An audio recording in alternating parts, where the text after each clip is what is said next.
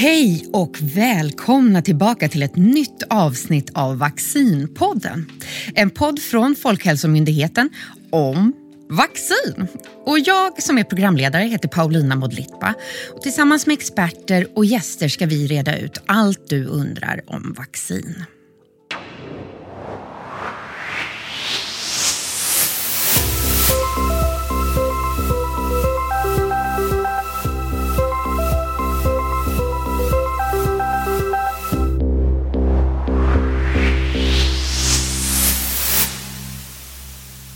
Idag ska vi fokusera på barn och ungdomar. I början av sommaren 2021 erbjöds ungdomar mellan 16 och 18 år covid-19-vaccin. Och när hösten kom så gick Folkhälsomyndigheten ut med en rekommendation om att vaccinera barn mellan 12 till 15 år. Runt om i landet så börjar nu den gruppen erbjudas vaccin. Men varför ska egentligen barn och ungdomar vaccinera sig och vad vet vi om vaccinets effekt på barn? Det här och mycket mer ska vi reda ut idag tillsammans med ingen mindre än Johanna Rubin som är barnläkare och utredare på Folkhälsomyndigheten. Välkommen Johanna! Hej, tack! För de som lyssnar nu och inte vet vad en barnläkare eller en utredare på Folkhälsomyndigheten gör, kan inte du berätta lite hur dina dagar ser ut? Jo, det är precis eh, det som vi ska prata om idag, som jag håller på med hela tiden. Vi ska ju prata om den här eh, bedömningen som vi gjorde om varför barn 12 till 15 år ska vaccineras mot covid-19. Så att det är ju en stor del av mitt jobb att ta in alla såna här fakta och väga dem mot varandra och göra såna här rekommendationer. Ska vuxna vaccineras? Vem behöver en, en till dos kanske av vaccinet nu? Och, och de här vanliga barnvaccinationerna som barn får, eh, är det bra som vi har det programmet eller ska det ändras någonting där? Mm. Så du tittar mycket på siffror, läser mycket rapporter och så vidare? Ja, precis. Ja. Och så gör jag podd. Yes. Johanna, eh, jag tänker att vi tar det från början helt enkelt. Hur kom egentligen Folkhälsomyndigheten fram till beslutet att barn mellan 12 till 15 år också skulle erbjudas vaccin mot covid-19? Då gick vi igenom förstås eh, hur många barn som har blivit svårt sjuka i covid-19 och hur stor påverkan det har haft på barn i den här åldern. Och så gick vi igenom den sammanlagda bedömning då för säkerheten för vaccinerna. Och när man vägde de här eh, mot varandra så blev det ju, såg vi ju då att det är bra och till fördel för barnen att erbjuda vaccinet till den här åldersgruppen. Mm. Det pratades ju ett bra tag om att barn inte drev smittspridningen i samma omfattning som vuxna och inte fick så allvarliga symptom av covid-19-viruset. Har den uppfattningen ändrats? Nej, den har inte ändrats. Vi ser ju det eh, att barn blir, det är ovanligt att barn blir svårt sjuka, men det finns ju ändå en sjukdomsbörda och eh, få men vissa barn vårdas på IVA och en hel del barn har ändå behövt sjukhusvård mot covid-19.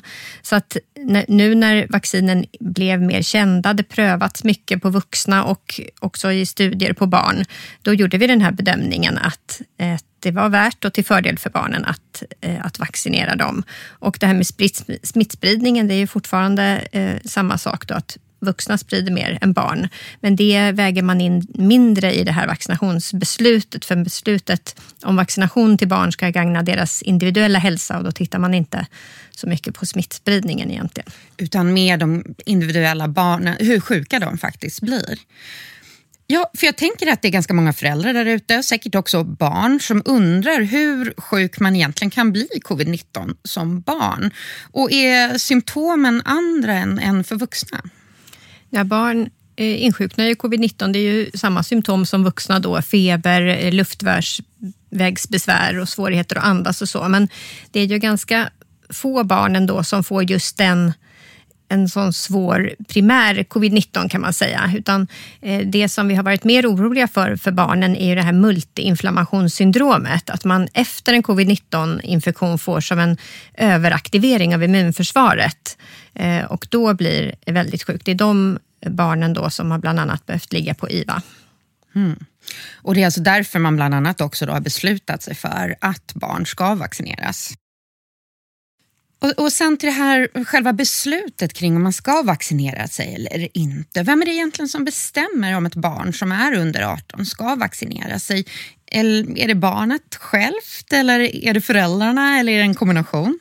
Så som lagarna är skrivna eh, kring det här och med den praxis som råder i sjukvården nu så kan man säga att den sammanlagda bedömningen blir att 16-17-åringar kan bestämma själva och och eh, kanske i vissa fall även 15-åringar.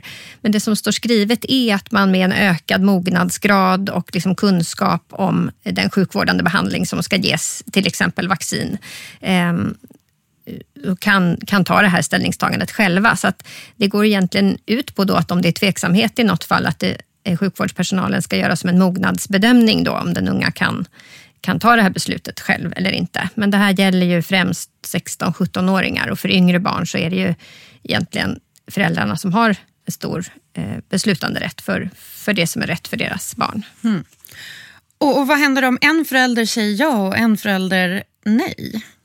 Ja, så som det är skrivet då i, i, lagtexter och så, så ska ju vårdnadshavarna vara överens att man behöver god, godkännande då, den som ska utföra vaccinationen från båda vårdnadshavarna. Mm. Men det, kan, det får man ju göra, jag tänker att det blir individuella situationer där man får diskutera.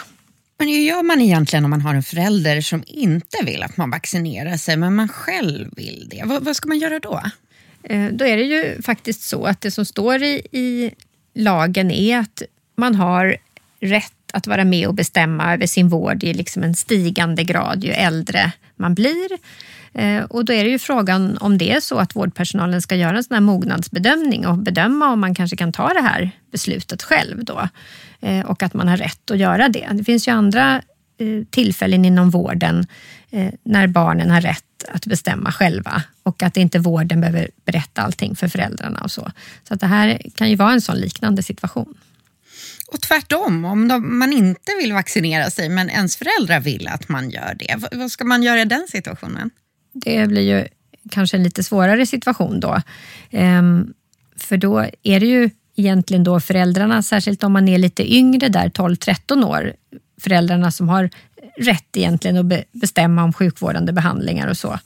Eh, men jag tänker att då får man ju verkligen diskutera det i familjen. Hur gör man i andra situationer när man är oense och så. Mm. Och förhoppningsvis komma överens. Där. Ja, det är det jag tänker. Det måste man ju göra. Mm. Och sen tänker jag att om man tycker att det blir en jättesvår situation där man själv tycker en sak och man är väldigt oense med sina föräldrar Eh, då kanske man behöver prata med en, en tredje person eller en annan person. Att man själv eh, pratar med skolsköterskan, just det här handlar om vaccinationer som sagt. Eh, eller att man går med sina föräldrar dit, så att man får prata tillsammans. För att eh, annars kan det ju bli en situation där man blir tvingad och det är ju inte eh, det som är meningen heller.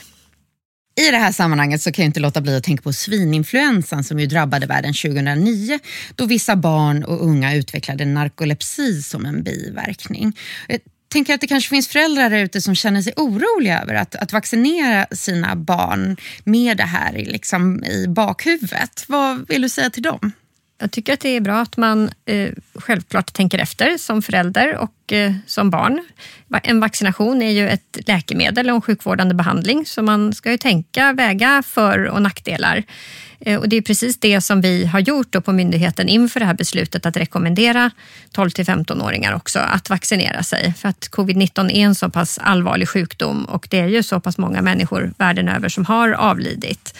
Och det har även svårt drabbat vissa unga. Ehm, och då har ju vi, vi har ju lagt eh, all den här kunskapen som vi har liksom i två skålar kan man säga och vägt dem mot varann. Och det materialet kan man också som förälder ta, ta del av och läsa om man vill på Folkhälsomyndighetens hemsida, lite om hur vi har resonerat. Och eh, jag förstår att, att det är oro och tvekan, för det här är ju något förhållandevis nytt. Ehm, nu har ju vaccinet använts ändå ganska länge tycker vi, eller framförallt till väldigt många personer. Så att man har ju enormt mycket data. Liksom, mer än för många andra vaccin med tanke på den mängd personer som har vaccinerats. Så att jag känner att eh, jag kan och myndighetens vägnar rekommendera det här, att vi har så pass mycket information. Men eh, det är bra att ta reda på mer, tycker ja. jag. Och om man som förälder ändå känner att de vill att det ska gå ännu längre tid, alltså att man verkligen vill känna att man vill ha koll på vaccinets långsiktiga effekter på barn. Det är väldigt, väldigt ovanligt med biverkningar efter vaccin efter lång tid. Det är ju, man ger ju kroppen en liten, liten del som aktiverar immunförsvaret och det sker en reaktion. Så att det allra vanligaste är ju de här biverkningarna man får dagen efter eller kanske något de närmaste veckorna efter. Så att där tycker jag ändå att man kan känna sig trygg att vi har ju ändå efter de här studierna kanske ett års eh, uppföljningstid nu och att det här är otroligt sällsynt att det skulle komma någonting på längre tid efter. Jag tycker det var bra och intressant det som du sa, att det inte bara handlar om eh, hur lång tid man har testat utan hur många människor man har testat på. Att det är så många som har vaccinerats nu så att man har mycket data att gå på. Och Hur vet man då att vaccinet är säkert på barn? Testar man på precis eh, samma sätt som man testar vaccinet på vuxna? Det är ju sällan eller aldrig man testar något direkt på barn utan det är ju otroligt många vuxna som har testat det först. Och sen går man ju ofta, så här, precis som det blir tydligt nu med vaccinet mot covid-19, ner i åldersgrupper. Så att först var det 16-åringarna och så gjorde man studier på 12 till 15 och sen gör man studier på yngre barn så att man ser att det här är säkert liksom, successivt. Nu tänker jag att vi ska prata lite mer eh, specif de specifika vaccinen. Det är nämligen så att Folkhälsomyndigheten rekommenderar vaccinet Comirnaty från Pfizer och BioNTech för barn. Eh, varför rekommenderas inte Modernas vaccin Spikevax? När vi tog det här beslutet, då, det är ju eh, flera veckor sedan nu, då fanns det ju fortfarande mer data och det är ju fler som har använt Comirnatys vaccin Eh, i just den här åldersgruppen. Så att då ville vi ändå använda det just till de här yngsta barnen när vi börjar i Sverige. Och sen efter det så har vi tagit ett annat beslut som var att när det kom fram nu data som man tror det lutar åt att det ändå är lite mer biverkningar av det andra vaccinet. Så att därför så, så ser det ut så här nu och vi kommer nog inte ändra oss då i den här åldersgruppen heller. Just det, för en allvarlig biverkning eh, som nämnts i det här sammanhanget är myokardit eller hjärtmuskelinflammation som främst ungdomar och unga vuxna har påverkats av. Eh, hur allvarlig biverkning skulle du säga att det här är? Det klassas ju som en allvarlig biverkan. Det är ju, om man får myokardit är ju som sagt en inflammation i hjärtmuskeln. Så att då får man ju liksom ont, man kan få värk eh, i bröstkorgen eller hjärtat och då blir man ju inlagd på sjukhus helt enkelt. Så att även om det går över på ett dygn och eh, man inte är så påverkad så, så blir man ofta övervakad på sjukhus ett eller två dygn, även om man är barn. Så att, och då blir det ju liksom klassat som en allvarlig biverkan för det, det får en sån konsekvens förstås, att man hamnar på sjukhus. Och sen eh, kan det ju få långvariga konsekvenser för att man eh, ofta så får man någon slags inskränkning i tränings eh, ja, på hur hårt man kan träna och så efteråt då för att hjärtmuskeln måste läka. Mm. Vad har ni sett för andra biverkningar, om några, just eh, hos barn och ungdomar som har vaccinerats? Finns det andra biverkningar som också leder till att de behöver vårdas på sjukhus till exempel? Nej, man har inte sett några specifika liksom, andra biverkningar hos barn än hos vuxna egentligen. Och det man pratar om med vaccin då är oftast det här att man eh, ja, får ont i armen efter sticket eller feber och så första dygnet efter och det behöver man inte sjukhusvårdas för. Det är precis som vuxna. Sen är det ju det här med allvarliga allergiska reaktioner som man många är oroliga för när det gäller vaccin, men det är också extremt eh, sällsynt. Eh, och det har man inte sett att det skulle vara vanligare på barn eller så. Där tar man ju försiktighetsåtgärder. Alla får ju vänta, även vuxna, 15 minuter efter sin spruta och har man haft någon allergi innan så får man vänta en lite längre stund eller en, och en del som har haft någon allvarlig allergisk reaktion innan får eh, vaccineras på en särskild mottagning. Så där har man ju verkligen ett säkerhetsnät runt fast det är så extremt ovanligt så att det nästan inte händer. Men, men där har vi liksom byggt upp så att man ska känna sig säker angående den mm. biverkan. Nu har vi pratat om barn. Jag tänker att vi ska släppa in dem nu också i det här avsnittet. Vi har nämligen fått in en hel del frågor från just barn och ungdomar. Jag tänker att vi ska lyssna på några av dem. Så här kommer en fråga från Alvar, 12 år.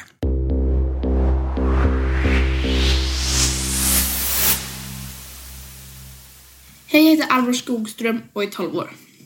Jag har fått vaccin, fast min lilla syster som är 10 år eh, får inte ta vaccin. Varför får man inte ta vaccin om man är under 12 år och varför har ni satt gränsen på just 12 år? Bra fråga, Al Alvar. Jo, det är ju så, det pratade vi om tidigare här, att man gör studier på vaccinet och då går man ofta, man börjar med vuxna och sen går man ner i åldrarna. Och de studierna som var färdiga nu kan man säga, det var ju för, för barn 12 till 15 år och så har läkemedelsmyndigheterna bedömt att det är bra data och att de kan godkänna vaccinet. Så att det är helt enkelt så att vaccinet inte är godkänt för barn under 12 år. Men sådana studier är ju på gång och, då, och det kommer nog att komma sådana godkännanden framöver. Men just nu är det då 12 år som gäller. En annan fråga som vi har fått lyder så här. Vad gör man egentligen om man vill vaccinera sig men är spruträdd? Då tänker jag att nu sker ju eh, många vaccinationer i skolan eller även om de inte gör det, om de är på någon annan plats, så har man ju en person nära sig som är bra på det här med sprutor och vaccinationer och det är ju skolsköterskan. För hon brukar ju ge, eller han, eh, andra vaccinationer till elever och barn. Så de kan ju jättemycket om det där, hur, hur man ska tänka eh, och vad man kan göra och hur man kan förbereda sig. Att man kan ha någon vuxen med sig, något gosedjur eller ja, man får ta till det som, som hjälper specifikt för en själv. Eh, jag tror att skolsköterskan kan ha eh, många tips där. Mm. Och det här med att vara spruträdd, det är ju någonting som även vuxna upplever. Det är inte bara barn, eller hur? Nej, absolut. Nej, det, eh, så kan det vara. Men mm. då kan man också ha någon med sig, tänker jag. Ett gosedjur kanske. Ja. nu ska vi få lyssna på en fråga från Edith som är 17 år.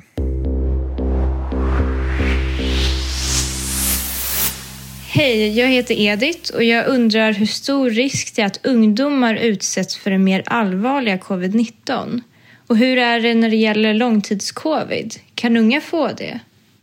Eh, bra, för det är precis så här vi ska tänka. Vi ska tänka hur allvarlig är sjukdomen egentligen och är, blir det någon nytta för mig att få, få det här vaccinet? Eh, och då har vi sagt att det är ovanligt att barn blir svårt sjuka, men om man tittar under hela pandemin så har vi fått siffror på att det var eh, strax under 20 barn mellan 12 och 15 år som hade behövt intensivvård och nästan 200 barn eh, hade fått sjukhusvård relaterat till covid-19 med covid-19 bara eller kanske ihop med någonting annat hade man behövt lägga på sjukhus. Ehm, så det är ju ändå så den risken eh, finns och, och, ungefär så, så stor är den för den åldersgruppen. Eh, angående post-covid så har vi fått siffror från Socialstyrelsen som anger att det kanske är mellan 100 eller 200 barn eh, mellan 12 och 15 år som har fått den diagnosen. Och den kan ju kanske vara lite svår att ställa. Och en del barn får ju, eh, precis som vuxna, kanske det här att man bara eller inte bara och bara, men att man kanske tappar luktsinnet en lång tid efter, men att man i övrigt känner sig frisk. Eller, och en del får att man känner sig tröttare och en del får lite mer symptom. Så att det där kan ju variera väldigt mycket. Så den diagnosen är lite svårare att kanske diskutera exakt hur många eh, och hur risken är för den. Mm. Och så har vi en fråga från Ester som är 15 år. Hej, jag heter Ester Lind och min fråga är om ni tror att det kommer komma ut fler vaccin eftersom att det redan har kommit ut ett tredje vaccin för att det har kommit fler versioner. Jättebra fråga Ester. Det är det som är väldigt spännande just nu eh, med covid-19. Att det är många som har utvecklat bra vacciner mot covid-19 och det finns ju fler än de här tre som vi använder i Sverige som används i andra länder. Och jag tror att i Sverige kommer vi få två eller i alla fall minst ett Eh, annat vaccin att använda under nästa år. Och det är ju väldigt bra för det, de som kanske då har någon väldigt ovanlig allergi eller överkänslighet att man inte kan använda de vacciner vi har nu skulle kanske kunna använda det här, de här som kommer. Och så har vi en sista fråga från barnen. Jag har en kompis som inte vill vaccinera sig och jag är rädd för smittan. Vem kan jag prata med? Ja, då tänker jag att om man är orolig för något, även om vi inte bara pratar covid, så är det ju bra att prata med sina föräldrar. Och om det är svårt och det handlar just om någonting medicinskt, så här som covid och smitta, så tänker jag att skolsköterskan är bra och, eh, att prata med. Eh, och om man är orolig för smitta i skolan kan man ju också prata med läraren till exempel. Eh, och I skolan så gäller det ju fortfarande att det ska finnas bra möjligheter till handtvätt och god ventilation och att alla eh, kompisar ska vara hemma om de är sjuka så att man kan känna sig trygg i skolan där och att risken för smitta ska ju vara så låg som möjligt. Och sen kan man ju tänka på att man faktiskt väldigt sällan blir svårt sjuk i covid-19 om man är barn. En eh, fråga från mig då som också handlar om eh, oro lite grann som jag vet att mm, en del vuxna också bär på. Hur ska man tänka om man känner att man är mer orolig för eventuella biverkningar än att faktiskt bli smittad av covid-19? Det är ju det här eh, avgörandet igen då som, och de här utredningarna som vi har gjort eh, på myndigheten för att just rekommendera. Då har vi lagt, som vi pratade om, två vågskålar förut. Så här stor är risken för, för att bli sjuk och så här stor är risken för att bli smittad och så väga det mot eh, eventuella biverkningar och så med vaccinet. Och där har ju eh, verkligen just nu i, i det här läget som vi är, att vi fortfarande är i pandemin, så väger det ju otroligt mycket tyngre i den här vågskålen att det är fortfarande en allvarlig sjukdom, särskilt för vuxna. Eh, och att smittan fortfarande finns här. Det har vi ju Eh, sett nu när det här avsnittet spelas in, hur smittan ökar runt om oss i många länder. Så att det är inte över än. Att man verkligen inser vad det är man eh, inte skyddar sig mot om man inte vaccinerar sig. Sen så tar vi inte heller lättvindigt på, självklart, om man har frågor och är orolig och så. Då tänker jag att man kan prata med, eh, man kan lyssna på det här eller andra poddavsnitt eller prata med om man är barn, skolsköterskan eller annars någon på sin vårdcentral för att få veta mer och bli trygg i sitt beslut. Mm. Och om man då har bestämt sig för att man vill vaccinera sig, eh, hur går egentligen vaccinationen till? Eh, vad händer under tiden och vad händer efteråt? Vad kan man förvänta sig? Ja, man kommer till vaccinationen, jag tror att många barn känner igen det där från skolan när man har vaccinerat sig eh, för annat. Eh, att man eh, går in till sköterskan, det kan vara skolsköterskan eller en annan sköterska och man får sitt vaccin. Och sen det är speciellt för covid-19 då att man ska vänta i 15 minuter efter. Och om man har haft kanske någon allergi eller om vården är lite osäker på om man kommer reagera eller så, så kan man få vänta 30 minuter. Eh, och sen mår man ju som vanligt och kan eh, leva som vanligt och göra det man eh, har planerat. Men kan man kan... gå på träning ja, efteråt? Då? Ja, mm. absolut. Mm. Men sen kan det ju vara det här att första dygnet efter så får man lite feber och känner sig att man får lite som en effekt av vaccinet helt enkelt. För det är ju immunsystemet som börjar jobba då med vaccinationen. Och då känner man sig liksom minsta sjuk eller påverkad eller så, då ska man ju inte träna. Då ska man ju ta det lugnt och vara hemma. Mm, precis som om man var sjuk på riktigt. Ja. Men om man får andra symptom än de här vanliga eh, som kan hända eh, efter vaccinationen, att man känner sig mer sjuk eller blir orolig över sina symptom, då ska man ju ringa 1177 och berätta hur man mår och också berätta att man har fått vaccin. Och då kan ju de ge råd då, om man behöver söka sjukvård eller om de bedömer att det är ändå de här vanliga biverkningarna. Man kan vara hemma och ta det lugnt.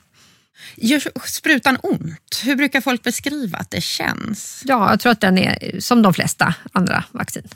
Mm. Så det gör inte så jätteont? Nej. Ett litet stick? Ja. Mm. Och till sist då, om vi ska runda av och sammanfatta det här samtalet som vi har haft nu. Varför rekommenderar ni på Folkhälsomyndigheten att barn som är 12 år och äldre vaccinerar sig mot covid-19? Jo, det är ju för att covid-19 är en svår sjukdom och att även om, som vi har sagt sedan början av pandemin, det är få barn som blir allvarligt sjuka, så har vi ju sett att det är ändå vissa barn som blir allvarligt sjuka eller lite halvt allvarligt sjuka också, liksom att man ändå behöver sjukhusvård. Eh, och med de vaccin som finns nu som är bra och som har använts av miljontals människor världen över så tycker vi absolut att det är att rekommendera att barn från 12 år vaccinerar sig. Mm. Tack så jättemycket Johanna Rubin för att du kom hit och svarade så klokt på alla våra frågor och på barnens frågor. Och tack till dig som har lyssnat på det här avsnittet. Hej då! Hej då! Tack!